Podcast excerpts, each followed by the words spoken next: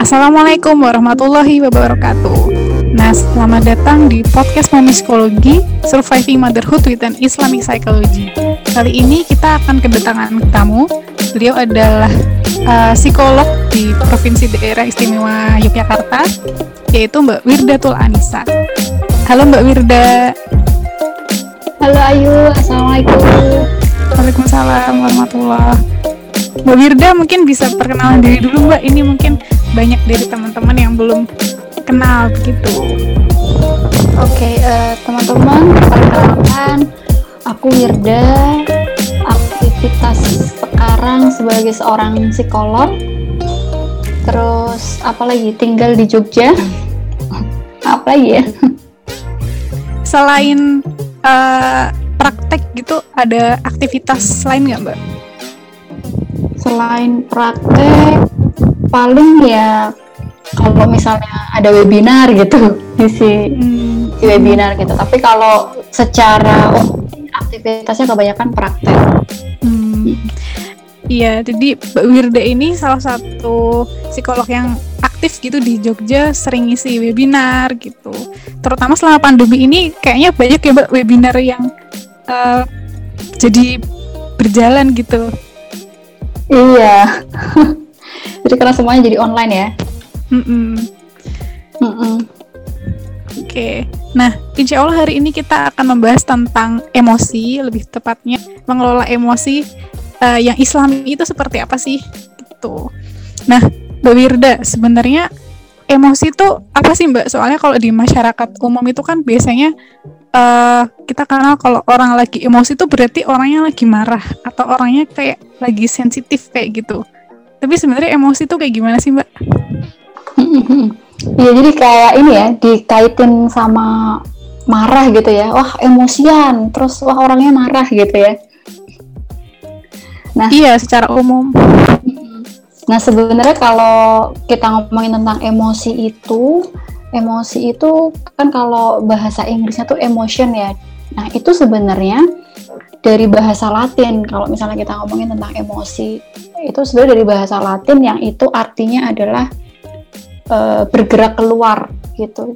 Intinya adalah emosi itu tentang bergerak sebenarnya. Jadi kalau misalnya kita ngomongin tentang emosi itu seperti apa ya uh, kondisi biologis dan psikologis gitu yang kemudian membuat seseorang bertindak atau bergerak kayak gitu. Nah emosinya itu macam-macam sebenarnya nggak cuman nggak cuman marah aja kayak gitu. emosi lain tuh contohnya gimana mbak? Apakah emosi tuh yang selalu negatif atau yang gimana sih mbak sebenarnya? Oke, okay. nah, tadi ya uh, apa namanya kalau emosi sendiri kan sesuatu yang ber, uh, bergerak gitu atau sesuatu yang menggerakkan. Nah kalau misalnya dan itu berkaitan dengan perasaan gitu apa yang kita rasain nah kalau misalnya kita ngomongin tentang emosi sebenarnya nggak cuman marah aja gitu tapi misalnya ada emosi senang terus juga ada sedih gitu ya ada ada cemas ada jijik gitu jadi sebenarnya kalau kita ngomongin emosi itu macam-macam banget kayak gitu Hmm, berarti sebenarnya nggak cuma marah ya Mbak. Mungkin asosiasi hmm. yang selama ini di masyarakat aja udah umum kalau emosi itu berarti marah kayak gitu. Hmm, betul. Hmm, hmm. Emosi itu biasanya munculnya kenapa sih Mbak? Kalau senang tuh kan orang tuh bisa beda-beda gitu senangnya. Kayak misalnya saya senangnya karena um, habis makan bakso atau yang lainnya mungkin senang karena ngelihat uh, eh, TV gitu. Tapi emosi itu sebenarnya munculnya kenapa sih Mbak? Hmm.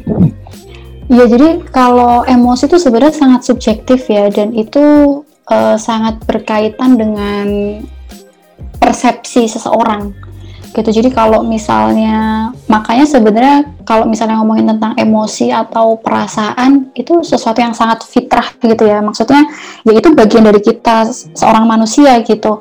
Nah, kenapa kok setiap orang itu bisa punya emosi yang berbeda-beda tentang sesuatu hal gitu misalnya hal yang sama tapi kenapa orang itu bisa merasakan hal yang berbeda gitu ya. Meskipun mungkin objek atau stimulusnya itu sama. Nah itu tergantung dari masing-masing persepsinya gitu. Jadi kalau misalnya ada satu situasi nih gitu ya.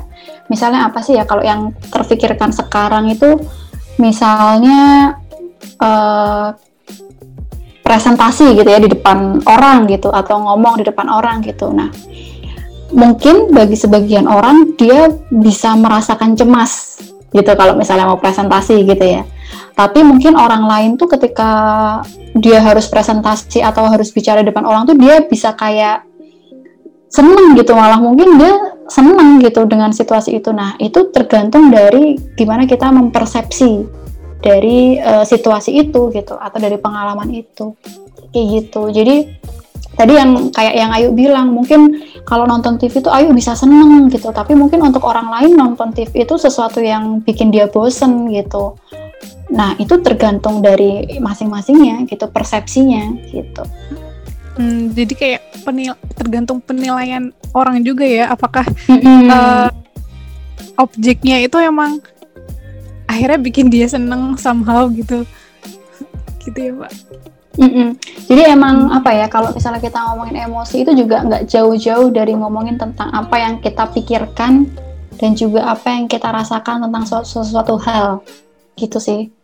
Hmm, sama mm -hmm. efeknya tadi kalau kata Mbak Birli bisa sampai ke fisik juga ya. Ya, yeah, uh, bisa memunculkan sampai ke sensasi fisik. Misalnya kalau lagi marah, itu terus uh, apa dadanya kerasa sesek gitu kan? Atau misalnya kalau lagi cemas, itu tangannya kayak apa tremor gitu ya? Atau misalnya perutnya mules kayak gitu. Jadi kayak kalau secara apa ya?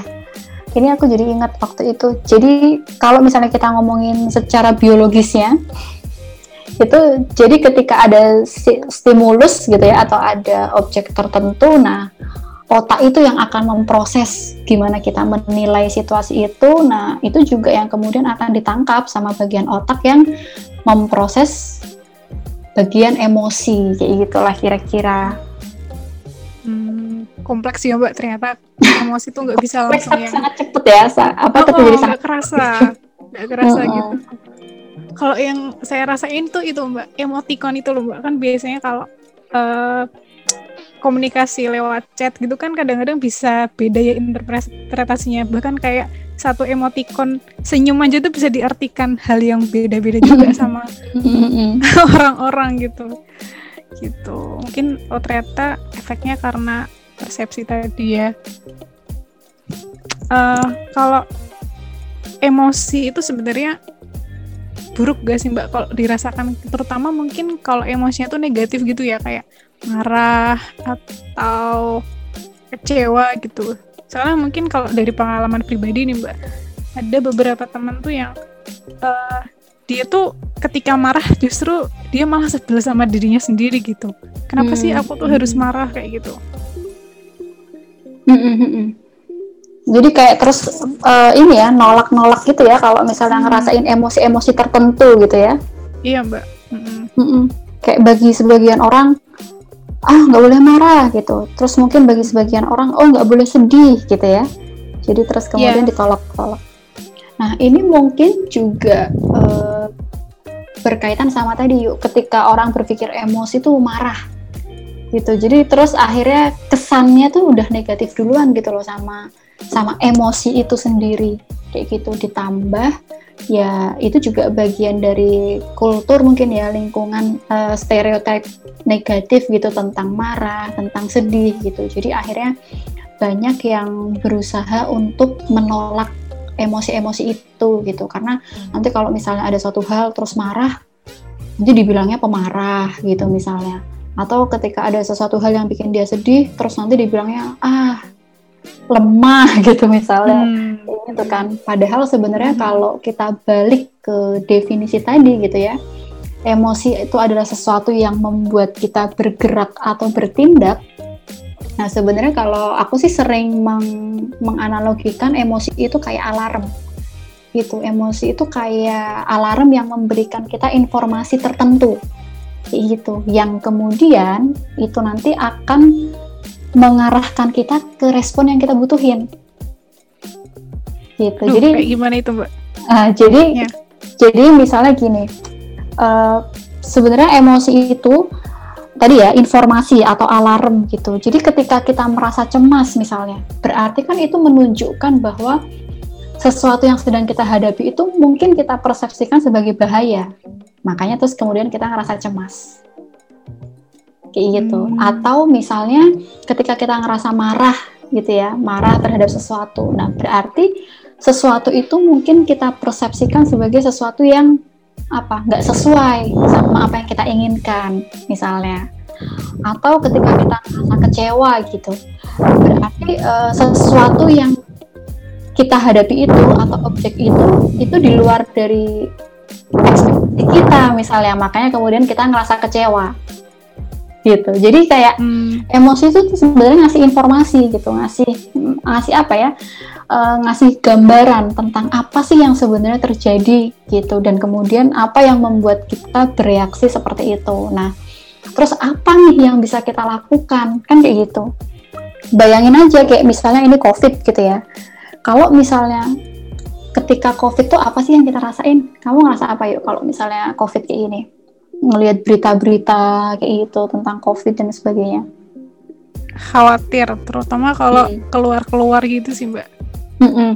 khawatir gitu ya khawatir nanti kalau misalnya kena covid gimana gitu kan terus uh, Mm-mm. mungkin nanti kalau misalnya ada ya ini nauzubillah min dzalik gitu ya tapi kalau misalnya ada keluarga yang kemudian sakit covid gimana gitu kan Mm-mm. nah terus ketika kamu mau keluar kamu ngerasa khawatir gitu apa yang kamu lakukan Em, karena khawatir itu kan berarti jadi eh, kalau aku pribadi saya pribadi tuh jadi nggak berani keluar pertama. Karena ikut itu ya kayak protokol kesehatannya kan emang Oh, dia kan nggak keluar keluar terus jadi Oke. emang ketat sama diri sendiri buat mm-mm. eh, kalau emang kalau memang harus keluar tuh apa yang harus dilakuin gitu. Dan kalau misalnya memang ngelihat orang em, teman-teman lingkungan sekitar gitu misalnya kok malah asik-asik keluar gitu. Nah biasanya itu jadi kayak ada dorongan tersendiri buat eh, semacam ngingetin sih mungkin ke teman-teman kalau "Ah, nggak usah liburan dulu nggak apa-apa gitu gitu. Hmm, jadi rasa khawatir itu kemudian membuat kamu mengikuti anjuran ya Hmm, anjuran iya, untuk iya. ada di rumah aja terus juga membuat kamu uh, lebih disiplin sama protokol kesehatan. Misalnya keluar pakai masker terus kemudian coba untuk cuci tangan gitu kan. Kalau misalnya habis uh, apa pegang barang-barang publik gitu ya. Mm-mm. Bayangin kalau misalnya kamu nggak ngerasa khawatir, kira-kira apakah kamu akan melakukan hal seperti itu? mungkin lebih acuh kali ya mbak ya? Kayak Hmm, iya. keluar keluar ya santai aja gitu.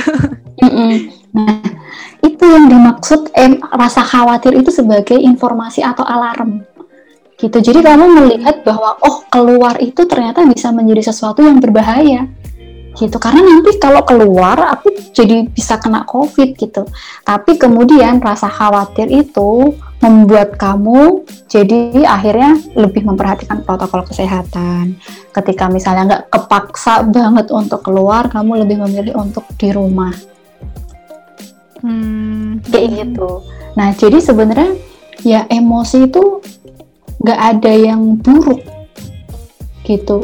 Malah kita perlu gitu, kita perlu merasa cemas, kita perlu merasa marah. Kalau misalnya eh, apa ya kita diperlakukan semena-mena gitu, terus kita nggak ngerasa marah, gitu kan eh, apa ya kita jadi kehilangan kesempatan untuk melindungi diri kita misalnya atau kita jadi eh, kehilangan kesempatan untuk melakukan hal-hal yang eh, apa ya istilahnya bisa mencegah hal itu untuk terjadi lagi kayak gitu Hmm. jadi Hmm. Jadi sebenarnya eh, kita nggak hanya perlu merasa senang gitu tapi kita juga perlu untuk merasa sedih. Kita nggak apa-apa banget untuk kemudian ngerasa marah atau cemas kayak gitu. Karena itu tadi karena eh, ada informasi yang kita bisa terima dari situ. Nah gimana kalau misalnya kita coba untuk mengabaikan itu gitu ya atau menolak Nah kita malah jadi nggak bisa menangkap informasi apa sih yang pengen disampaikan dari emosi yang kita rasakan itu gitu. Nah bayangin kalau misalnya kita nggak bisa nangkep informasinya, kita jadi nggak bisa menentukan respon apa nih yang bisa kita munculkan gitu yang bisa uh, apa ya yang bisa membuat kita malah jadi lebih berdaya gitu atau malah yang bisa membuat kita malah apa ya memunculkan tindakan yang bisa membantu kita kayak gitu. Hmm.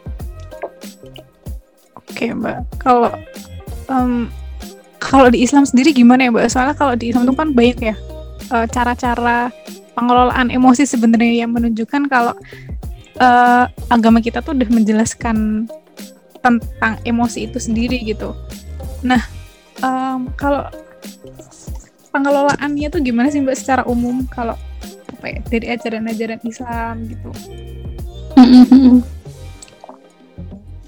Ya kalau misalnya kita ngomongin tentang pengelolaan, mungkin sebenarnya kalau di Islam sendiri atau kalau misalnya kita ngelihat di Al-Quran itu banyak ya e, disampaikan, meskipun mungkin tidak secara apa ya, tidak secara gamblang gitu menyebutkan emosi gitu ya atau misalnya uh, gimana cara mengelola emosi gitu. Tapi kalau misalnya kita lihat lagi banyak loh eh, kisah-kisah yang disampaikan gitu ya tentang gimana sih ketika kita merasa marah apa yang bisa kita lakukan gitu.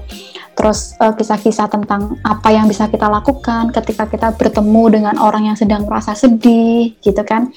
Atau misalnya ketika kita ngerasa uh, kecewa tentang sesuatu hal kayak gitu sebenarnya itu banyak dikisahkan gitu disebutkan gitu di Al-Qur'an.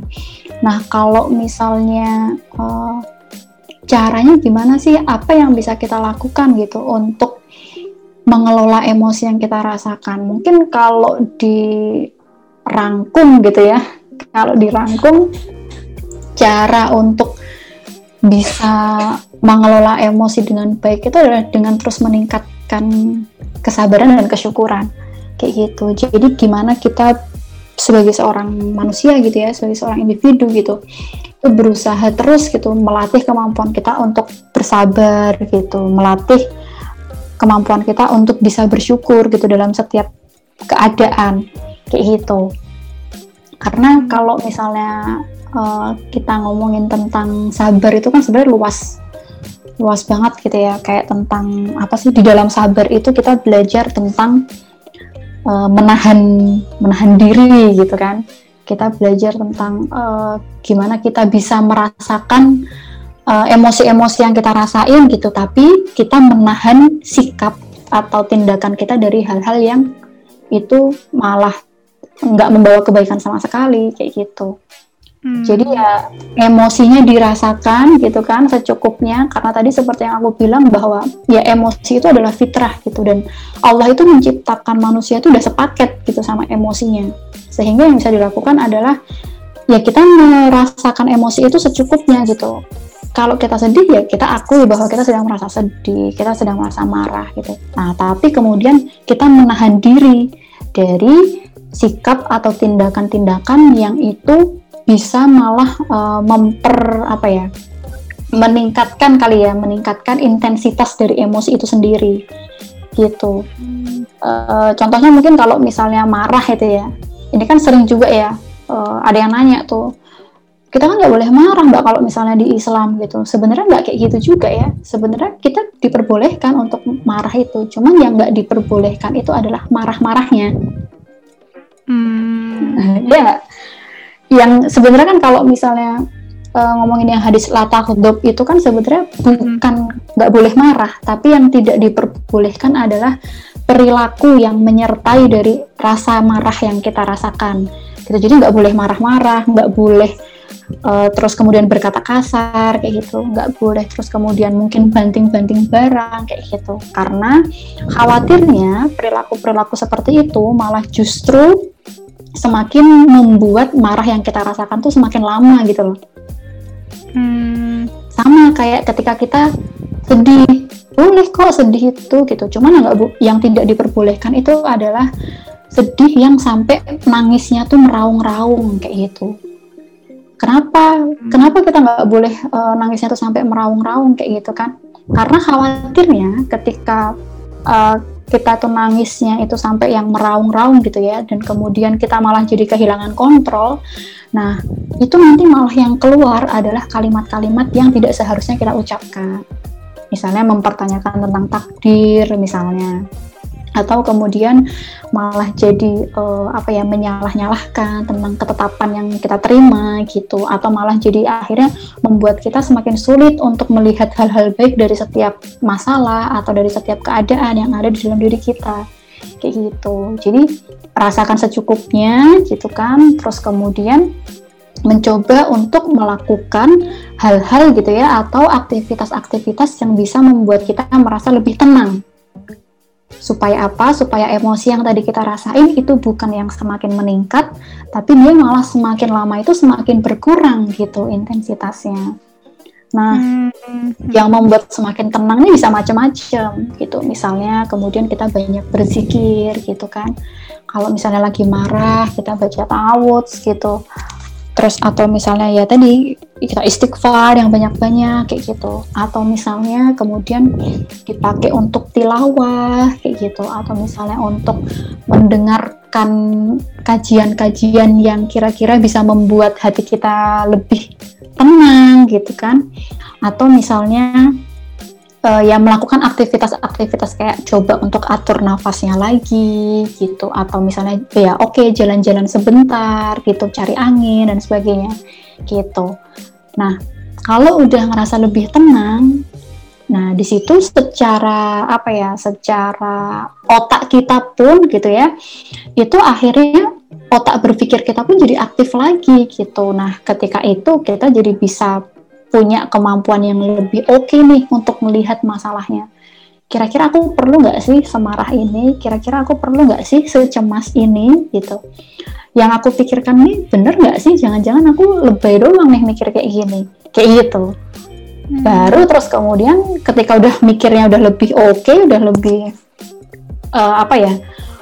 berpikirnya udah lebih sehat gitu kali ya bahasanya. Nah, baru terus kemudian berpikirnya adalah oke, okay, nextnya apa nih yang bisa dilakukan? Gitu. Berarti justru apa yang udah diajarkan di Islam tuh mendorong kita buat ini ya Mbak, lebih jernih, terus habis itu nggak terjerumus dalam emosi kita yang berlebihan gitu. Bisa iya betul. Mm -mm. Karena uh, ini mungkin mungkin kamu juga udah sering dengar ya kalau apa yang kita rasakan itu sangat mempengaruhi apa yang kita pikirkan dan apa yang kita lakukan. Hmm. Begitu pula sebaliknya, apa yang kita lakukan itu akan mempengaruhi apa yang kita rasakan dan apa yang kita uh, pikirkan kayak gitu kan. Makanya semakin semakin dominan emosi kita atau intensitas uh, atau tingkat emosi yang kita rasakan gitu sebenarnya akan sul akan semakin sulit untuk kita itu berpikir pun berpikir ya kecenderungannya akan hal-hal yang negatif gitu hal-hal yang istilahnya apa ya kontraproduktif gitulah yang yang malah bikin kita semakin gak berdaya kayak gitu nah makanya kita perlu mengubah itu juga gitu, mengubah cara pandang kita gitu terhadap masalah yang di, sedang kita hadapi. Nah, cuman tadi, cuman permasalahannya adalah saat kita itu dalam kondisi emosional atau uh, uh, apa tingkat emosinya sangat tinggi, itu tuh kita nggak bisa berpikir. Hmm. gitu ya memang kerja otaknya seperti itu gitu kalau misalnya kamu pernah dengar tentang emotional hijack jadi kayak pemba pembajakan emosi itu kayak gitu jadi ketika kita dalam kondisi emosi yang teramat sangat gitu ya itu sulit untuk kita tuh bisa berpikir dengan jernih makanya sebelum berpikir dengan jernih kita perlu menenangkan diri dulu kayak gitu Hmm, iya, iya. Terus juga kalau di kisah-kisah itu kan juga mungkin kayak di Quran Maryam itu ya, ketika apa tahu Maryam sedang bersedih, nah kemudian dihibur. Jadi bukan diajak mikir, coba deh kamu lihat hikmahnya apa, enggak, tapi dihibur dulu gitu.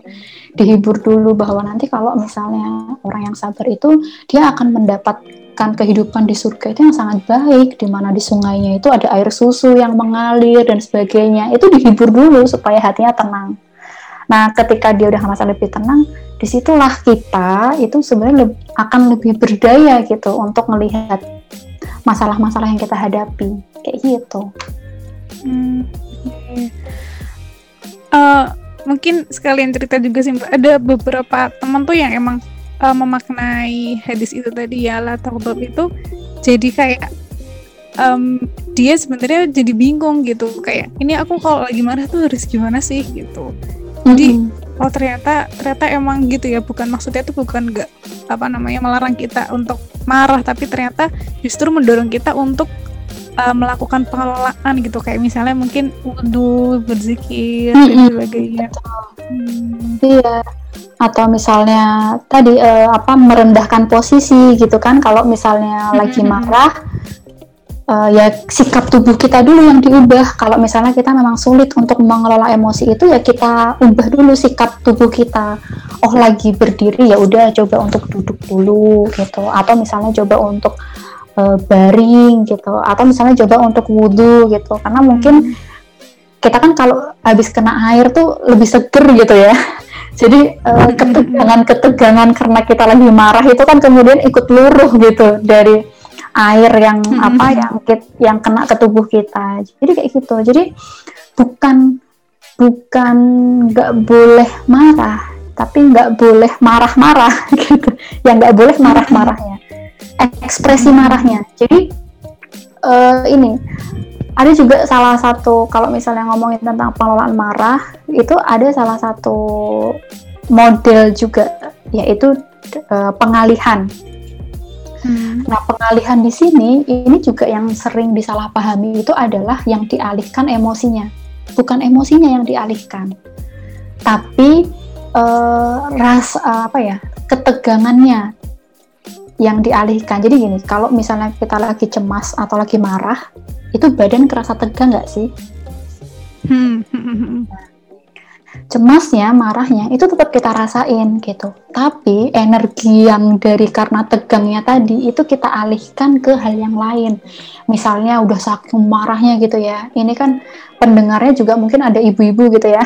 Misalnya terus saking marahnya gitu daripada dipakai untuk melak apa banting pintu lah atau misalnya banting mainan dipakai misalnya untuk bersih-bersih rumah hmm. kayak gitu cabutin rumput kayak gitu misalnya atau misalnya untuk cuci piring gitu jadi hal yang bisa menyalurkan ketegangan kita itu tadi hmm. gitu. tapi jadi produktif ya mbak iya tapi marahnya tetap kita rasain gitu cuman tadi yang tegang itu tadi bukan kita keluarkan dengan untuk ngebanting barang atau ngebanting pintu atau bahkan mungkin eh, teriak-teriak marah-marah gitu, tapi kita alihkan ketegangan itu ke hal-hal lain yang kira-kira itu lebih safe, yang kira-kira itu lebih sehat, kayak gitu. Hmm. Atau cemas gitu juga kan, misalnya, aduh, gak nyaman banget terus dipakai untuk olahraga misalnya, atau kemudian dipakai untuk tadi beraktivitas yang kemudian menjauh kan kita dari hal-hal yang bikin kita ngerasa cemas atau hal-hal yang bikin kita ngerasa marah. Itu pengalihan tuh seperti itu. Tapi emosinya tetap kita rasain. Kita tetap mengakui bahwa kita sedang merasakan hal-hal seperti itu. Hmm. gitu. kalau yang kita bahas ini kan banyak kan ini ya mbak tentang emosi-emosi negatif gitu. Sedangkan uh, pernah dengar juga nih saya kalau emosi apa pun itu kalau yang berlebihan itu kan nggak baik. Kayak misalnya hmm. yang berlebihan terus habis itu nggak baik. Nah itu kalau sebaiknya gimana sih mbak kalau kita ngerasa senang gitu? Takutnya berlebihan dan malah jadi efeknya buruk juga sih di diri kita gitu. Mm -mm. Emang bener uh, apa namanya segala yang berlebihan itu memang nggak baik termasuk ketika kita mengekspresikan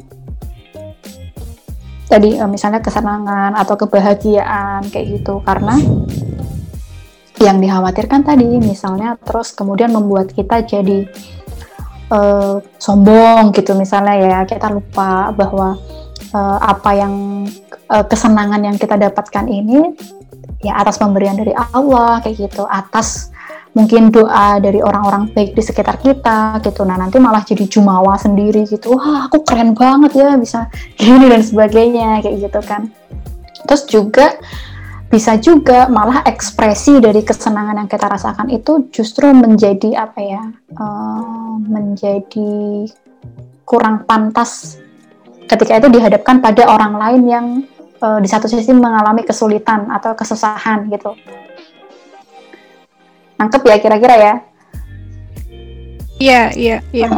Nah makanya sebenarnya juga salah satu hal yang bisa kita lakukan gitu ya untuk melatih gimana sih supaya uh, kita bisa mengelola emosi kita dengan baik gitu. Kan kalau ngelola saat kita merasa sedih atau cemas atau marah tuh mungkin susah gitu ya. Nah salah satu hal yang bisa dilakukan adalah juga mencoba untuk uh, mengendalikan diri ketika kita merasakan emosi-emosi yang membuat kita tadi senang atau bangga atau puas kayak gitu Hmm. Jadi juga belajar untuk me mengendalikan diri supaya ketika kita merasakan hal seperti itu itu nggak berlebihan, kayak gitu. Hmm. Berarti sebenarnya beda-beda ya Mbak cara ngelola emosi itu kayak marah ada sendiri, senang ada sendiri. Terus apalagi mungkin khawatir ada sendiri. Gitu nggak hmm. Mbak atau gimana? Gini, uh, mungkin secara apa yang dilakukan itu bisa beda-beda, tapi sebenarnya secara umum itu sama. Hmm. Gitu. Secara umum itu sama. Yang per, tadi ya, uh, yang pertama adalah dirasain emosinya. Apa pun apa pun emosi yang dirasakan. Bahkan kan ada juga ya yang ngerasa oh nggak pantas seneng. Ketika dia merasa senang, aduh aku kayaknya nggak pantas deh untuk merasa senang gitu. Kan ada juga ya yang kayak gitu. Hmm. Gitu. Jadi secara umum itu dirasakan emosinya gitu mau marah mau sedih mau cemas gitu atau misalnya tadi mau merasa uh, senang gitu tadi dirasakan emosinya nah kemudian supaya uh, pikiran kita lebih konstruktif gitu supaya sikap kita itu lebih terkendali gitu yang kedua adalah menenangkan diri gitu. Mencoba untuk bersikap tenang. Kayak gitu tadi. Misalnya ketika cemas apa nih yang bisa kita lakukan supaya kita bisa ngerasa lebih tenang? Ketika marah apa nih yang bisa kita lakukan supaya kita bisa me, apa ya meredam mengurangi kemarahan itu?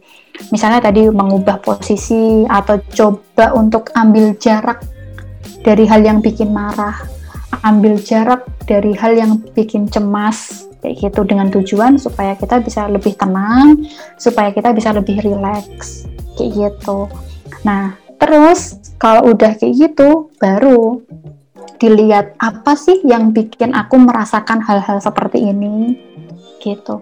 Apa sih yang bikin aku merasa cemas? Apa sih yang bikin aku merasa sedih? Apa sih yang membuatku merasa marah gitu? Apa yang aku pikirkan? Kayak gitu. Jadi coba dicari tahu karena kadang kita itu hanya fokus ke apa yang kita rasain. Oh aku rasanya marah. Tapi apa yang membuat kamu marah? Apa ya? Nggak tahu. Pokoknya marah aja. Gitu. Nah kita juga perlu cari tahu apa sih sebenarnya membuat kita merasa marah atau cemas atau khawatir gitu. Nah terus baru kemudian setelah kita tahu nih kira-kira apa yang menjadi sumber dari emosi itu kita lihat.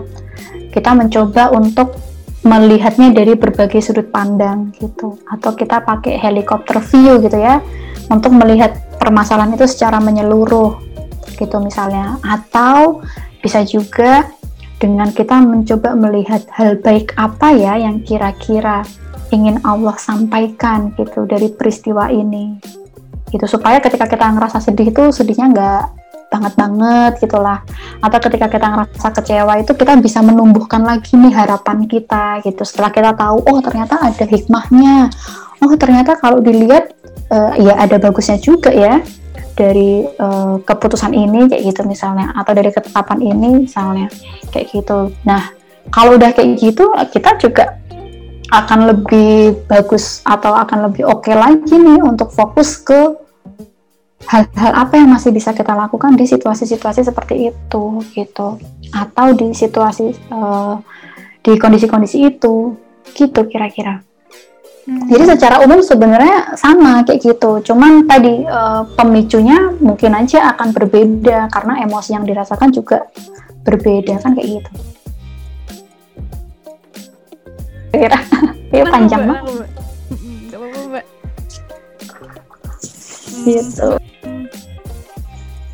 Sama ini nih Mbak sebenarnya kalau perempuan ya terutama itu kan rentan banget ya mengalami emosi kayak terutama mungkin ketika lagi em, datang bulan gitu haid. Mhm. Nah, Mhm. terus apa namanya bawaan itu pengen kesel aja gitu nah itu mbak Wirda ada tips-tips gitu nggak mbak buat pengelolaan emosi terutama eh, bagi perempuan ini Hmm, hmm. Tadi ya kalau kalau secara umum tuh tadi itu tadi ya yang udah aku sebutin mulai dari menyadari menyadari emosinya dan kemudian menenangkan diri itu tadi. Nah kalau dibilang tips pengelolaannya ya sebenarnya itu tadi eh, tips pengelolaannya gitu. Nah cuman mungkin eh, kalau misalnya dalam kondisi yang tadi ya misalnya kayak datang bulan gitu atau misalnya kita lagi apa namanya banyak banget kerjaan gitu ya misalnya kayak yang di rumah mungkin sudah punya momongan gitu terus juga ada kerjaan lain dan sebagainya gitu. Jadi yang sebenarnya tadi dengan menyadari apa yang kita rasakan itu sudah menjadi langkah awal kita bisa mengelola emosi kita. Karena kalau kita nggak sadar sama hal itu ya kita nggak akan bisa mengelola kan? Karena kita nggak tahu apa nih yang perlu dikelola gitu. Jadi ya langkah awal dari mengelola emosi adalah mengenali. Nah mengenali ini bisa dari rasa nggak nyaman yang kita rasain atau dari sensasi fisiknya gitu. Misalnya dari oh ini aku udah mulai eh, apa namanya jantungnya berdetak cepat. Wah ini kayaknya aku bentar lagi mau marah nih dan sebagainya. Itu kita perlu mengenali pola-pola kita itu seperti apa kalau lagi mau marah. Atau misalnya kalau lagi cemas gitu atau kalau lagi sedih atau kalau lagi seneng yang banget banget itu tuh biasanya apa sih yang kita rasain? Kayak gitu. Nah terus kemudian supaya emosi kita nggak dibajak tadi atau emotional hijack tadi gitu ya kemudian kita menenangkan diri gitu nah mengetahui sumber-sumber yang bikin kita ngerasa cemas atau kita ngerasa marah itu juga menjadi hal yang penting. Kalau misalnya nih eh, teman-teman ada yang kalau lagi datang bulan gitu ya, terus ngerasa emosinya jadi nggak stabil gitu, jadi sensitif, jadi ngerasa gampang marah gitu. Itu berarti perlu ini, perlu kesadaran yang tinggi betul gitu. Maksudnya, wah ini bentar lagi udah masuk periode datang bulan. Nah, berarti perlu ini perlu menyiapkan diri untuk lebih ekstra dalam mengelola diri eh, dalam mengelola emosinya. Terus kira-kira ya menjaga apa ya? Menjaga jarak dulu sama hal-hal yang yang sekiranya itu akan lebih mudah menyulut emosi-emosi itu tadi. Gitu. Kalau aku pribadi sebenarnya aku bukan yang termasuk emosinya jadi nggak stabil ketika dapet gitu.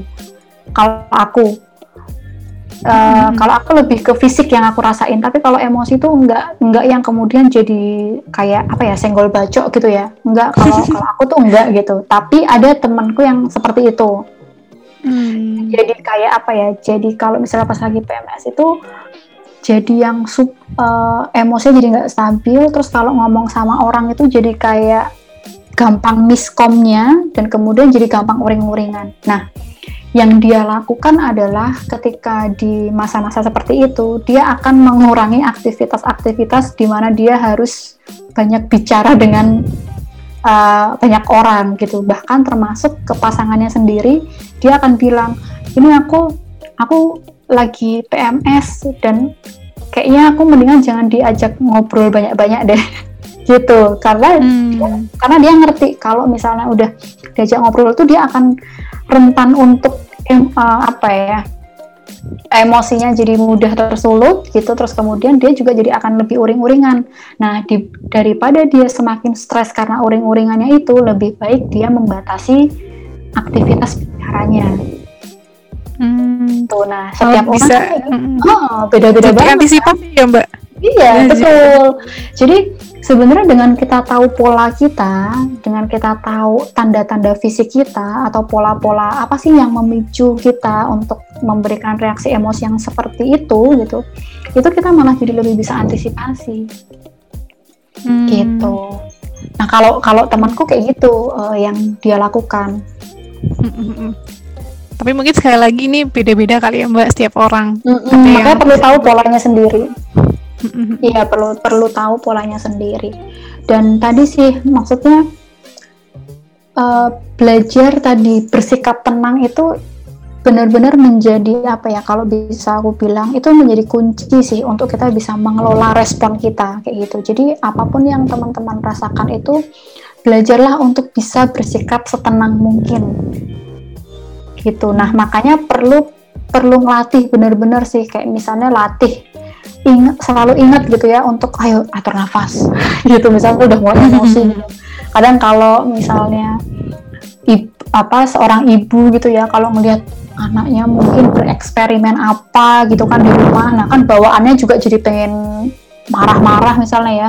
Habis diberesin terus diberantakin lagi ya gitu ya. Itu tadi kita perlu oke okay, tenangkan diri tarik nafas dulu yaudah ngobrol dulu bahkan kan di Islam juga ada ketika kamu emosi lagi tinggi diam.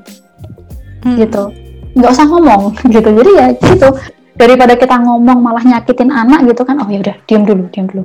Ke dapur dulu misalnya tarik nafas dulu gitu. Menenangkan diri dulu. Maksudnya inhale exhale itu sebenarnya ngebantu kita untuk meredakan ketegangan itu tadi baru pas udah ngerasa lebih tenang disamperin anaknya. Ditanya ini apa? Ini lagi ngapain? Kenapa kok diberantakin? Kayak gini. Jadi kan ngomongnya lebih halus gitu ya.